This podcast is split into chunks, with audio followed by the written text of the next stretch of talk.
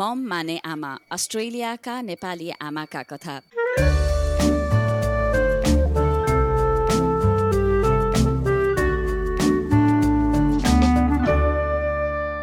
स्वागत छ श्रोतावृन्द। अब यो पोडकास्ट श्रृङ्खलाको मम माने आमाको यो अर्को एपिसोडमा तपाईँहरूलाई र आज चाहिँ हामी प्रेग्नेन्सीको बारेमा कुरा गर्न गइरहेका छौँ होइन? प्रेग्नेन्सी फेजमा के कस्तो चुनौतीहरूको सामना गर्नुपर्छ त? अब भन्ने बारेमा चाहिँ अब हामीले चाहिँ केही आमाहरूलाई नै लिएर आएका छौँ। म र सिखा त छँदैछौँ। अब सदा सधैँ भने चाहिँ अब मेरो एउटा छोरी रहेको छ अठार महिनाको। अरू को को आमा हुनुहुन्छ त? त्यसको बारेमा पनि हामी एकैछिनमा जानकारी लिन्छौँ। थ्याङ्क यू सुनिता त अब त त्यही त सबैजनालाई कन्ठै भइसक्यो होला हाम्रो कतिवटा कतिवटा बच्चा छ भनेर। सो म फेरि पनि सिका मेलबर्नमा बेस्ड मेरो चाहिँ दुईवटा बच्चाहरू छ एउटा पाँच वर्षको छोरी जो चाहिँ स्कुल छिटै स्टार्ट गर्दैछ र अर्को चाहिँ सात महिनाको छोरा छ। मेरो नाम रोजी अरियाल दिज म मेलबर्नमा बेस्ट अनि मेरो दुईवटा बच्चाहरू छन्। My oldest son he's two and a half years. He's nearly three in April.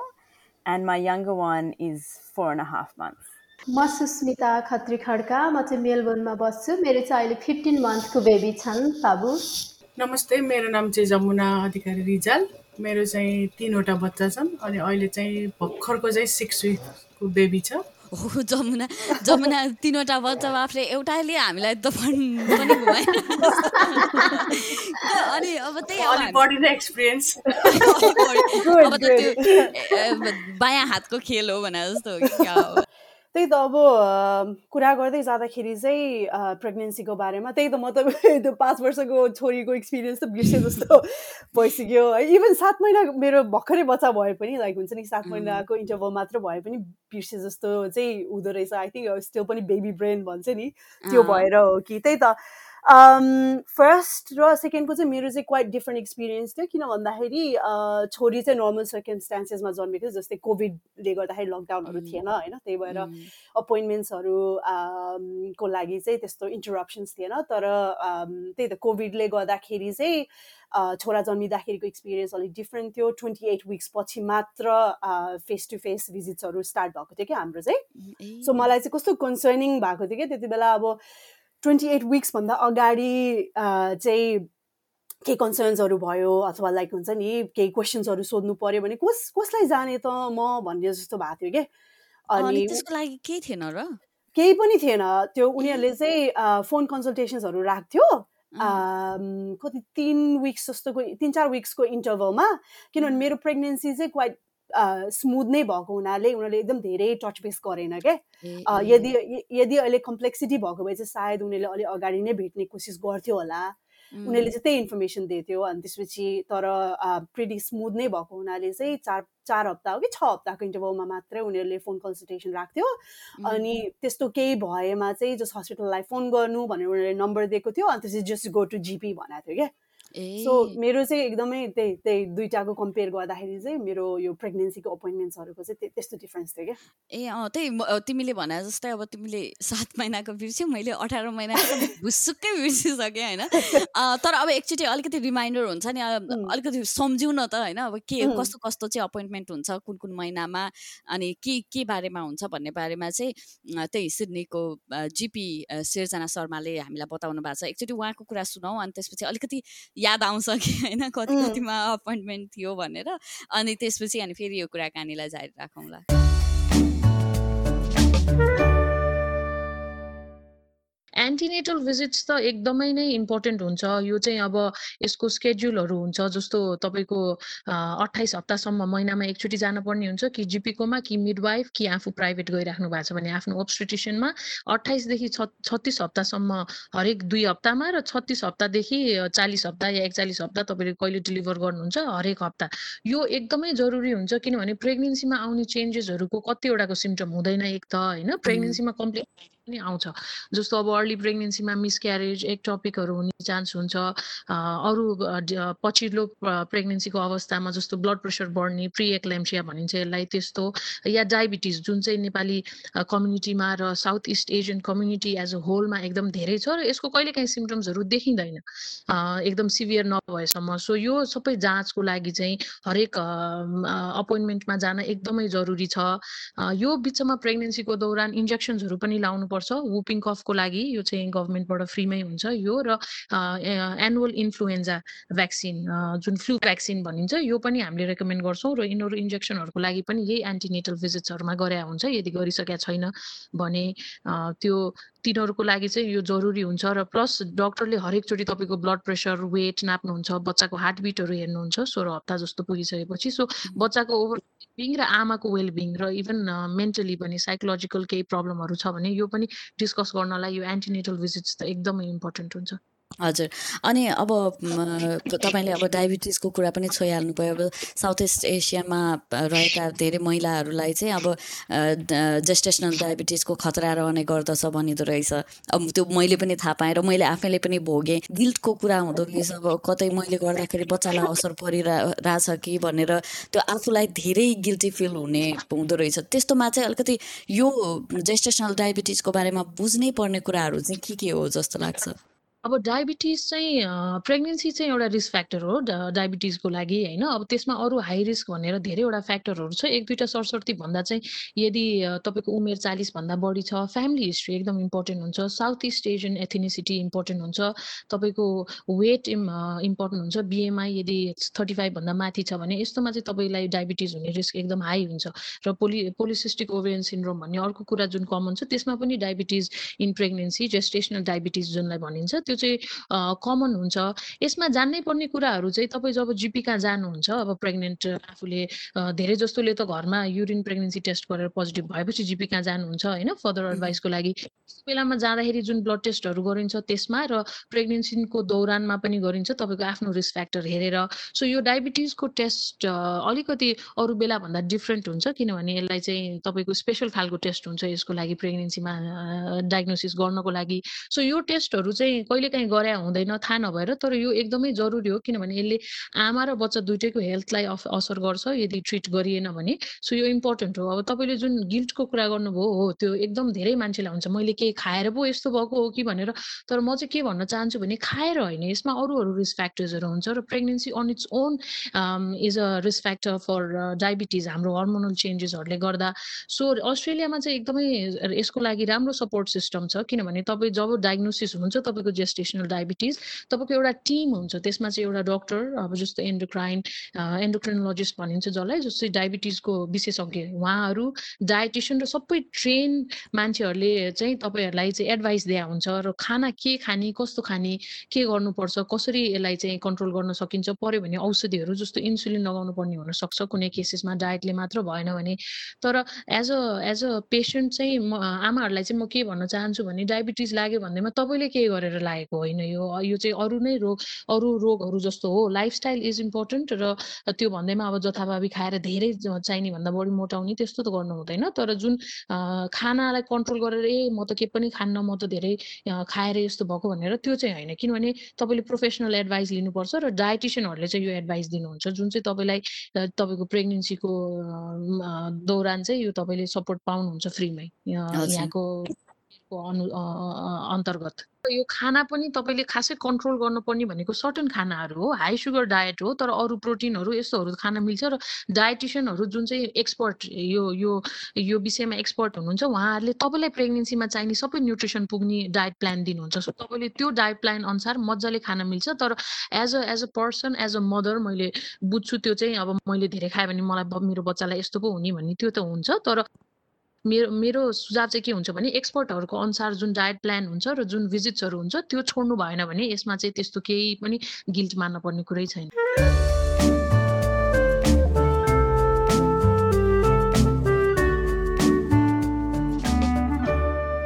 अब सृजना शर्माबाट अब अलिअलि थाहा पाइहाल्नु भएन कस्तो कस्तो कुरामा चाहिँ विचार पुर्याउनुपर्छ यो ड्युरिङ प्रेग्नेन्सीमा अनि त्यसपछि अब त्यही त्यो टाइमको हेल्थको बारेमा कुरा गर्नु पर्दाखेरि चाहिँ अब म आफै पनि जेस्टेसनल डायबिटिज भएको भएर अब त्यही कस्तो गिल्ट हुन्छ अब त्यो मैले खाएको कारणले गर्दा बच्चालाई केही असर पर्छ कि अनि किन कन्ट्रोल पाइ भइराखेको छैन भनेर त्यो आफूलाई नै हुन्छ नि घरिघरि रिसै उठ्ने जति कन्ट्रोल गर्न खोज्दाखेरि पनि त्यो सुगर लेभल घट्दै नघट्ने त्यस्तो त्यस्तो हुँदाखेरि चाहिँ एकदमै त्यो चाहिँ स्ट्रेसफुल थियो त्यो त्यो टाइम चाहिँ होइन।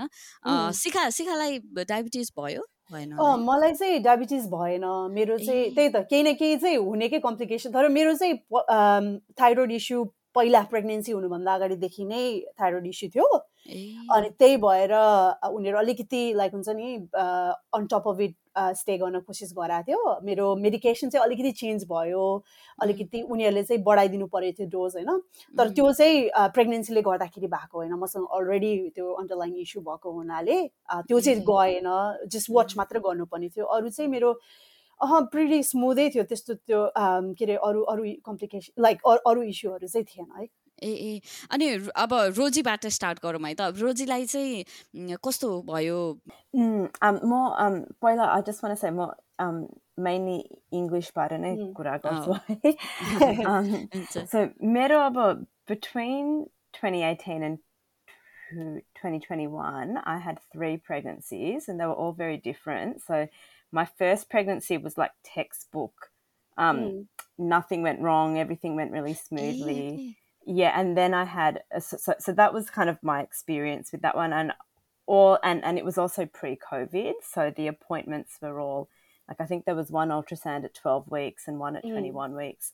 And after that, our hospital had from 40 weeks, um, or from 39 weeks, sorry, a South Asian monitoring program. Um, so I'm not sure if the uh, previous doctors have spoke like doctors spoke about this, but um, there's some research done that South Asian women, including Nepali women, our gestational term is uh, less than nine months or, or, less than 40 weeks, sorry. So th- they started the monitoring at our hospital at 39 weeks. Um, okay. Yeah, so so then we'd go in, I think, every two days to do like um, the monitoring and the ultrasound. Um, there, yeah. apart from that, that that pregnancy was fine. Mira's second pregnancy, unfortunately, it ended at 19 weeks, so I had a, a second trimester miscarriage. Mm-hmm. Um, only, and that was during COVID, so that was quite um, like at, at the time we were, we were in Melbourne's 2020 lockdown. Mm-hmm. Um, and then so that yeah that was I, I, ended up having quite a lot of appointments because it, it was clear from about 14 weeks that the mm-hmm. pregnancy wasn't going quite right with that pregnancy at 14 weeks we found out the baby had something called hydrops which is too mm. much fluid a, a, week after we found that out I, I, had a procedure called a cvs procedure where they inject a needle in um, to um, diagnose any genetic conditions and at that stage, the, the baby was still alive, but still had had this um, condition called hydrops. Yeah, so then I had the CVS procedure. Only then, when, when we went back at 18 weeks, they couldn't find a heartbeat. Um, so the, my, my strong memory of, of the the two pregnancies was when I had my first, because everything went right. When I got mm. pregnant a second time, I strongly just expected that everything would be right. Mm. You know, mm. like I because because the first time I was a bit nervous about miscarriage in the first twelve weeks and stuff. The second time I just thought, yeah, I'm going to have a baby in nine mm. months. Like I never thought anything would go wrong. Mm. Um, so yeah, that that was a shock. Um, mm. I'll skip it. So my third pregnancy, uh, I, I, was monitored a lot closely. So my third mm. pregnancy was also like the last bit of it was during the 2021 lockdown in Melbourne. Mm. Um, so a, a, lot of the appointments, the, the early appointments were telehealth rather than in mm. person. But then they, they, they got me coming in quite frequently. I think from about 20 weeks mm. be, be, because of what had happened last time. Mm. Uh, the one thing I got that third time was something called pelvic girdle pain. So I'm not sure if if any of you have had it, but um, mm-hmm. because yeah. I, I I had kind of three consecutive pregnancies, um, it meant that I Mm. couldn't walk. Yeah, so from about even like 14, 15 weeks, I couldn't walk or do yoga or any kind of the exercises that make you feel good during pregnancy. Mm. Unfortunately, with pelvic girdle pain, भनेपछि pelvic एरियामा चाहिँ दुख्ने होइन त Yes. हिँड्न ओर्न पनि न- गाह्रो हुने अँ। Yup, yup. अनि मैले अब त्यो क- कहिले पनि sunat hi na. Mm, mm. Kali, I, I happened to be talking to my supervisor and describing the pain to her. And she said to me, Oh, I, I had this thing called pelvic mm. girdle pain. And if she hadn't told me, I wouldn't have even known about it. Um, mm. You know, Bonelby, mm. you don't even know how to describe the symptoms to your doctor. I, I, I didn't know. Yeah. I just thought it was from being pregnant. Um, mm. and, and then finally, I went to see a physio. But again, lockdown really impacted me because yes. the only thing that you can do to relieve that pain really is to swim. And I love Mm. swimming, but but it was locked down, so I couldn't go to the pool. Um, त्यही त्यही त रोजीले यो experience share गर्दाखेरि चाहिँ ठ्याक्क मलाई याद आयो कि मेरो दुइटा कम्पेयर गर्दाखेरि मायाकोमा चाहिँ it was quite quite smooth होइन तर सहजको बेलामा चाहिँ छोराको बेलामा चाहिँ अर्ली स्टेजेसमा हुन्छ नि त्यो first trimester I felt I think first र सेकेन्ड ट्राइमेस्टर लागेपछि चाहिँ आई फेल्ट सो हेभी क्या एउटा स्टेजमा मलाई यति हिँड्न मनपर्ने मान्छे होइन I was struggling to walk properly यस्तो फिल हुने कि त्यो त्यो इन बिट्विन लेग्स लाइक हुन्छ नि यस्तो हेभी हेभी फिल भएर आएको थियो कि। अनि म चाहिँ ओ my goodness I thought it was just can get worse and worse with time जति अब शरीर बढ्दै जान्छ बेबी बढ्दै जान्छ अझै वर्स हुन्छ कि जस्तो लागेको थियो। अनि मैले जिपीलाई पनि कन्सल्ट गराएको थिएँ कि फोन गरेर। अनि उनीहरूले चाहिँ के भनेको थियो भने जस्ट किप इन वकिङ. अनि keeping being active it should go away भनेपछि मेरो चाहिँ एक्सपिरियन्समा it just went away so. त्यो त्यही त्यो फेल्बिक गर्ल पेन चाहिँ नभए पनि लाइक हुन्छ नि अलिकति डिफ्रेन्ट एक्सपिरियन्स थियो क्या फर्स्ट र सेकेन्डमा Yeah. I have no clue अनि रोजीलाई अहिले चाहिँ कस्तो छ Oile, I'm, I'm okay. I'm definitely still not as Mm. active as before. Um, so yeah, like I'm, I'm getting better. So, so the, the pelvic pain resolved after birth. And, and sorry, I, I should add what, what helped me was I, I went to the physio, I went to acupuncture, and I went to a chiropractor as well. है यो यो. कुरा थाहा सुनेपछि अब. हाम्रो अब यो पोडकास्ट सुनिरहनु हुने धेरैजनालाई पनि यो बारेमा थाहा हुन्छ होला होइन अनि त्यही अब अरू अब सुस्मिताबाट सुनौँ न कस्तो भयो प्रेग्नेन्सीको यात्रा मेरो मेरो पनि लकडाउनकै बेलामा बाबु जन्म्या जन्मेको हुँ। त्यति बेला मलाई चाहिँ मेरो फर्स्ट प्रेग्नेन्सी भएर होला। त्यस्तो धेरै गाह्रो चाहिँ भएको थिएन। मेन कुरो के कुरालाई चाहिँ गाह्रो भयो भन्दा मलाई चाहिँ फोर मन्थसम्म लगभग फाइभ मन्थको स्टार्टिङसम्म पनि केही पनि खाना नहुने कि? पानी पानी मात्र खाना हुने अलिअलि नट्स खाना हुने फ्रुट्स पनि खाना नहुने केही खानेकुरै खाना नहुने कि? भमिट भइहाल्ने अनि। त्यस्तो भएर चाहिँ एकदमै गाह्रो भएको थियो। अब बेबीको त्यो अनुसार ग्रोथ नहुने भयो नि त वेट कम हुने भयो नि त। त्यो कुराले चाहिँ मलाई अलिकति गाह्रो भयो। अदर देन सबै कुरा राम्रो थियो। लास्टको अपोइन्टमेन्टमा लास्ट लास्टमा भन्दा लास्टमा गइसकेपछि चाहिँ मेरो बाबु जन्मिन दुई हप्ता मात्र बाँकी थियो अनि त्यो त्यो अपोइन्टमेन्टमा जाँदा चाहिँ अचानक के भयो भन्दा ब्लड प्रेसर एकदमै हाई भएको छ तपाईँको बच्चालाई चाहिँ हामीले अब आर्टिफिसियल बेथा लगाएर भए पनि निकाल्नुपर्छ। भनेको दुई तिन दिनभित्रै निकाल्नुपर्छ भन्ने भयो कि त्यो चाहिँ अब काइन्ड अफ प्रेसर भयो। अब मेन्टली प्रिपेयर भएको थिएन नि त त्यस्तो। सब। नर्मल छ भन्ने भएको थियो अनि त्यस्तो भइसकेपछि चाहिँ होल डे मोनिटरमा बसेमा बाबुको हार्टबिटहरू कस्तो छ भनेर हेरेर दिनभरि त्यहीँ राखेँ त्यहीँ बसेँ। अनि त्यस पछाडि तिन दिनपछि अपोइन्टमेन्ट थियो बच्चालाई चाहिँ अब डेलिभरी गराउनुपर्छ भनेर। अनि त्यस तर कस्तो भयो भने त्यो बेलुका हस्पिटल आएको बेलुका सब नर्मल भयो। अनि त्यसको केही दिन लगभग भोलिपल्ट आठ बजेतिर चाहिँ फेरि मलाई व्यथा सुरु भयो कि हजुर। भन्नाले अब दुई तिन दिनपछि त अपोइन्टमेन्ट नै। थियो नि त होइन? कस्तो हुने रहेछ कि कहिले काहीँ? सोचे जस्तो हुँदै हुँदैन है। अब भने बिचको टाइम रोजेर उसले होइन, अब म यही टाइममा आउँछु भनेर हो त्यस्तै भयो अनि नर्मल नर्मल डेलिभरी भयो है। हजुर नर्मल माई गुडनेस नत्र भए चाहिँ सिजेरियन प्लान गरेको थियो उनीहरूले। अँ सबै प्लानहरू गरेर सब रेडी भइसकेको थियो।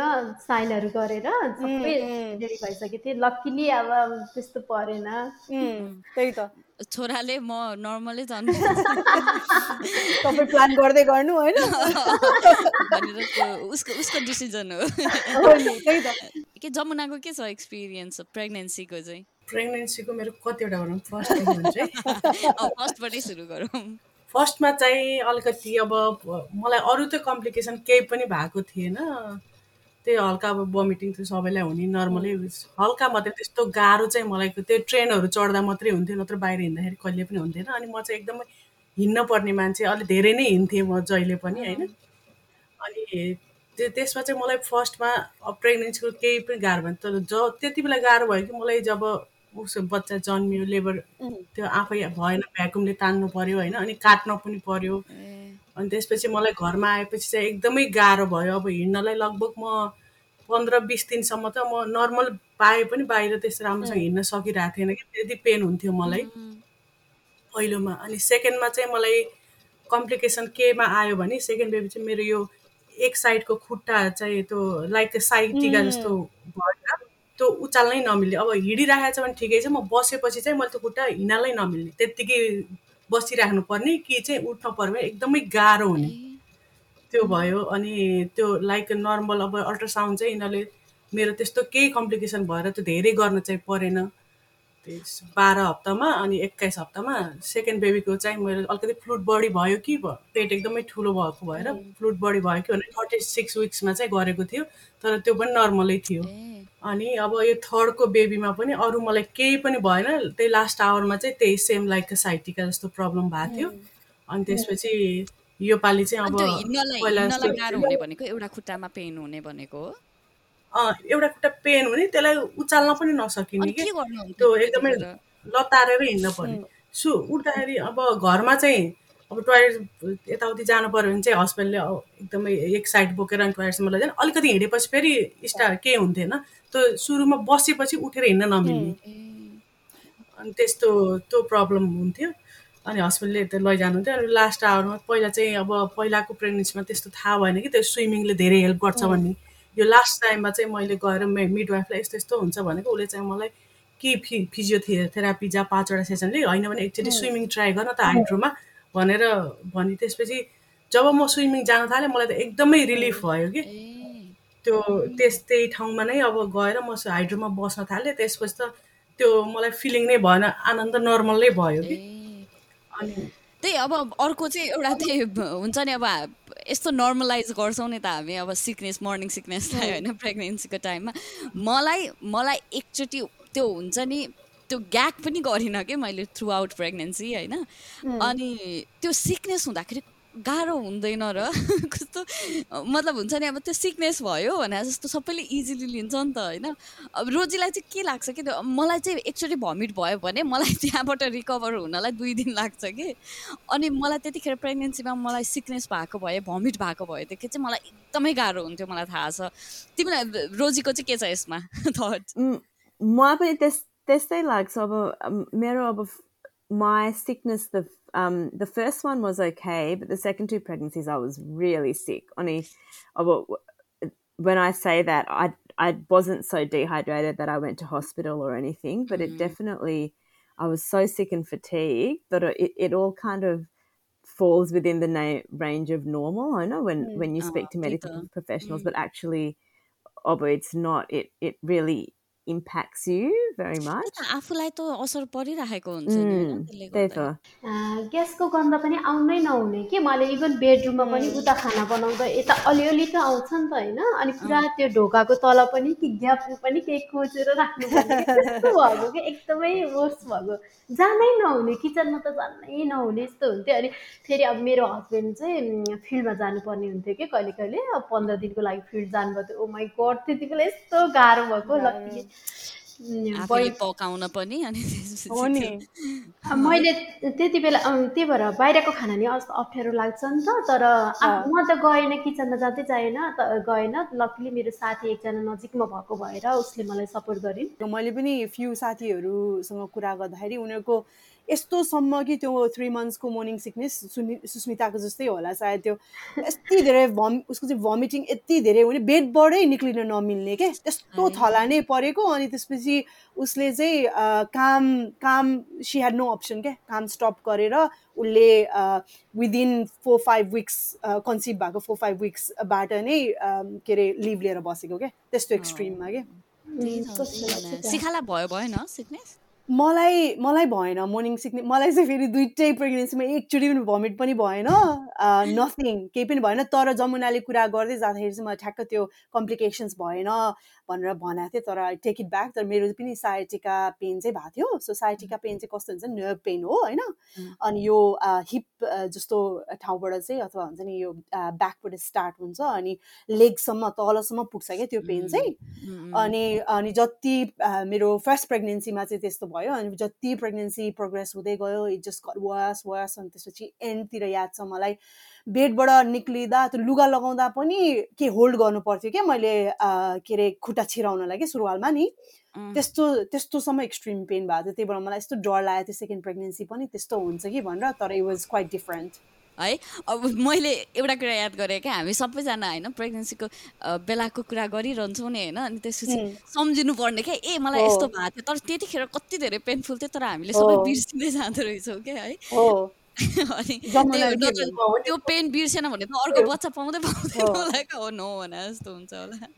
त्यही त म पनि त्यो साइटिका भएर सेकेन्ड चोटिमा चाहिँ मैले त प्यानाडाइन नै एकदम स्ट्रङ नै मेडिसिन खानु पर्ने भएको थियो कि एकदमै गाह्रो भएर डक्टरसँग सोधेको अब लास्ट भनेको अप्सन तेरो यही छ प्यानाडाइन भन्ने बुझ्दैन तिनचोटि खान्थेँ बच्चा जन्मिसकेपछि चाहिँ त्यो नर्भ पेन गयो कि कस्तो? गयो अटोमेटिकली जान्छ फेरि त्यो चाहिँ। मेरो चाहिँ अहिले पनि अहिले पनि अलिकति बेला बेलामा आइरहेको छ तर त्यो एक्सट्रिम लेभलमा चाहिँ हुँदैन है।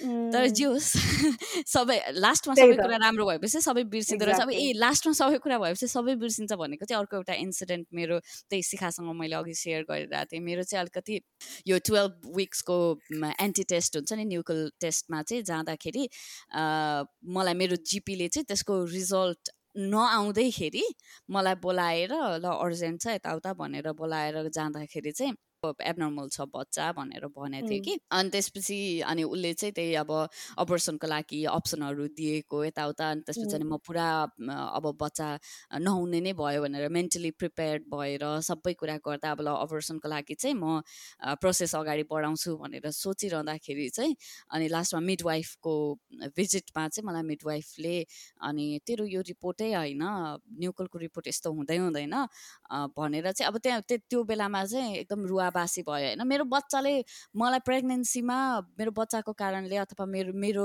हुन्छ नि फिजिकल अरू कारणले अथवा मेन्टली पनि मेरो मुड स्विङहरू कुनै पनि किसिमको चेन्जहरू धेरै भएको थिएन कि? अनि पेन पेनफुल पनि केही पनि भएन हुन्छ नि? दुख्ने ओढ्ने पनि केही भएन। म म त अरू बेला भन्दा पनि धेरै एकदमै धेरै फुर्तिलो के त्यो प्रेग्नेन्सीको टाइममा हुन्छ नि? काममा पनि सबैले हेर्दाखेरि बा प्रेग्नेन्ट छौ बिस्तारी भन्ने हुन्छ नि? हिँड्दाखेरि पनि त्यो एकदमै राम्रो थियो होइन? तर मलाई त्यही त्यो एउटा इन्सिडेन्टले गर्दाखेरि चाहिँ अब त्यो बेलामा अब घरमा सबैले रुवाबासी भयो हुन्छ नि? एकदमै प्लान्ट बेबी अनि त्यसपछि अब हुन्छ भनेर सबैले सबैलाई भनि पनि सकेको थिएँ। फेरि म चाहिँ विश्वास गर्दिनँ थिएँ होइन? यो भन्यो भनेदेखि केही नराम्रो हुन्छ भन्ने अलि अगाडि नै भन्यो भने भन्ने त्यसमा विश्वास गर्दिनँ थिएँ भने थिएँ सबैलाई अनि खुसी थिएँ नि त अनि त्यो त्यो इन्सिडेन्टले गर्दाखेरि चाहिँ एकदमै एकदम किरकिरा भयो कि। एक्सपिरियन्स हुन्छ नि त्यो खुसी सबै त्यो बेलाको अनि अहिले चाहिँ बच्चालाई हेर्दाखेरि पनि हो मैले त्यतिखेर त्यो यसलाई अपोर्ट गर्छु भनेर सोचेको पनि थिएँ भन्दाखेरि पनि कस्तो लाग्छ कि? अनि त्यही अनि मिडवाइफले चाहिँ सबै कुरा नर्मल छ तेरो अनि उसले चाहिँ खास एक्चुअल रिपोर्ट मगायो त्यो अल्ट्रासाउन्ड गरेको ठाउँबाट अनि त्यहाँ चाहिँ सबै नर्मल छ भने अनि त्यस्तो त्यो अपर्सनको बारेमा अब नसोच भनेर उसले फोन गरायो कि अनि त्यसपछि म चाहिँ एकदमै थ्याङ्कफुल त्यो न त्यो त्यो मिड वाइफलाई होइन कति कति धेरै त्यो हुन्छ नि त्यो अब भगवान् होइन स कोही पनि होइन सबैलाई सबै कुरा ठिक गर्छन् भन्ने हुँदैन। तर मलाई चाहिँ त्यतिखेर चाहिँ के लाग्यो भनेदेखि कहिलेकाहीँ सेकेन्ड ओपिनियन पनि लिनु पर्दो रहेछ कि अब डक्टरहरू पनि अब हुन्छ नि अब उनीहरूले पनि जतिखेर पनि एकदमै राइट स्टेट अफ माइन्डमा हुन्छ भन्ने त हुँदैन नि त। अब उनीहरूले कतिखेर के दिमागमा आएर ल यस्तो भन्दाखेरि मैले मैले यदि त्यतिखेर अर्को मलाई अलिकति विश्वास लागेन ल म त्यो रिपोर्ट चाहिँ अर्को मान्छेलाई देखाउँछु भनेर देन एन्ड देयर मैले अर्को डक्टरसँग भेटेको भए सायद त्यति लामो टाइमसम्म मैले सफर गर्नु पर्दैन थियो होला। तर मैले चाहिँ एकदम ब्लाइन्डली विश्वास गरेर हुन्छ नि अब डक्टरले भनेको त रङ हुनै सक्दैन भने तर डक्टर पनि मान्छे हो कहिले काहीँ मिस्टेक हुन्छ होइन। अनि त्यो चाहिँ त्यो चाहिँ मेरो चाहिँ एकदमै किरकिरा एक्सपिरियन्स हुन्छ नि। त्यस्तो थियो कि?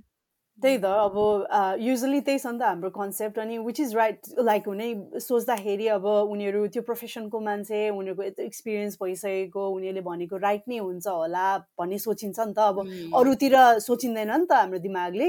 अनि तर तिमीले भने जस्तै यस्तो त्यस्तो केही छ भने चाहिँ I think it's always good जे कुरा पनि एक्चुली सेकेन्ड ओपिनियन लिनुलाई चाहिँ क्या। होइन त्यही सबै ठिक छ। त्यही त्यही सेकेन्ड ओपिनियन चाहिँ म पनि त्यस्तै म पनि एउटैमा चाहिँ म हिँड्दिनँ कि मैले पनि एउटा ठाउँमा भएन भने अर्को पनि अप्सन खोज्छु कि अझै राम्रो बेटर छ कि अलि जब दुई तिनजनाबाट भयो एउटै आयो भने चाहिँ अलि गुड होइन भने चाहिँ डिफ्रेन्ट डिफ्रेन्ट आयो भने चाहिँ मैले पनि जहिले पनि हरेक कुरा डिसिजन लिँदाखेरि चाहिँ मैले दुई तिनजनासँग बुझेरै जस्तो आफूलाई भएको नभन्ने बरु होइन बाहिर बाहिर यस्तो भने बुझेरै त्यसरी डिसिजन लिन्छु कि मैले पनि।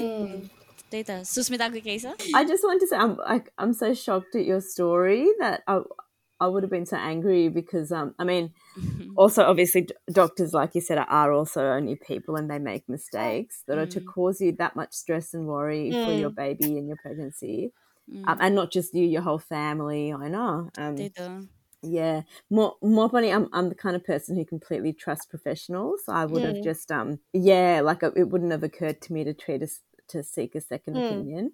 But my my like eh, during my first pregnancy, one thing I did do was I, I took um a few kind of not so I, I trusted the professionals during pregnancy for but for the actual birth um mm. I, I, took a few childbirth preparation classes and I feel mm. like that really helped me तपाईँको त्यो antenatal त्यो अरू त्यो प्लानदेखि बाहेकको थियो कि कस्तो हो बाहेक बाहेकको थियो सो हस्पिटलको क्लासमा पनि गयौँ मेन मेन माई हस्बेन्ड अनि we also went to a, a different class called a calm birth class only that that that was like a two day class both me and my husband and um, one of my best friends was there during the birth of my first son and so she came to that class with us too. Um, on, on Isopo, like they, they go through all the options, all the different, like whether you want a medicated birth or a non-medicated birth and the consequences of each. And that that really made me feel... अनि त्यही त्यही त्यहाँनिर पनि अलिकति informed decision लिन पाइयो नि त्यही त यप यप अब एकदम रमाइलो भयो अब यो ड्युरिङ प्रेग्नेन्सीको यो एपिसोडलाई चाहिँ हामी अब सकाउनु पर्छ होला है टाइम पनि निकै भयो त्यही त आई कान से थ्याङ्क यू इनफ के रोजी जमुना सुस्मिता स्पेसली सानो बच्चा यसरी टाइम दियो आफ्नो के अरे कुराहरू सेयर सेयर गर्यो। अब अर्को एपिसोडमा फेरि भेटौँला आजको लागि भने। हस्त नमस्ते। थ्याङ्क यू नमस्ते। थ्याङ्क यू नमस्ते बाई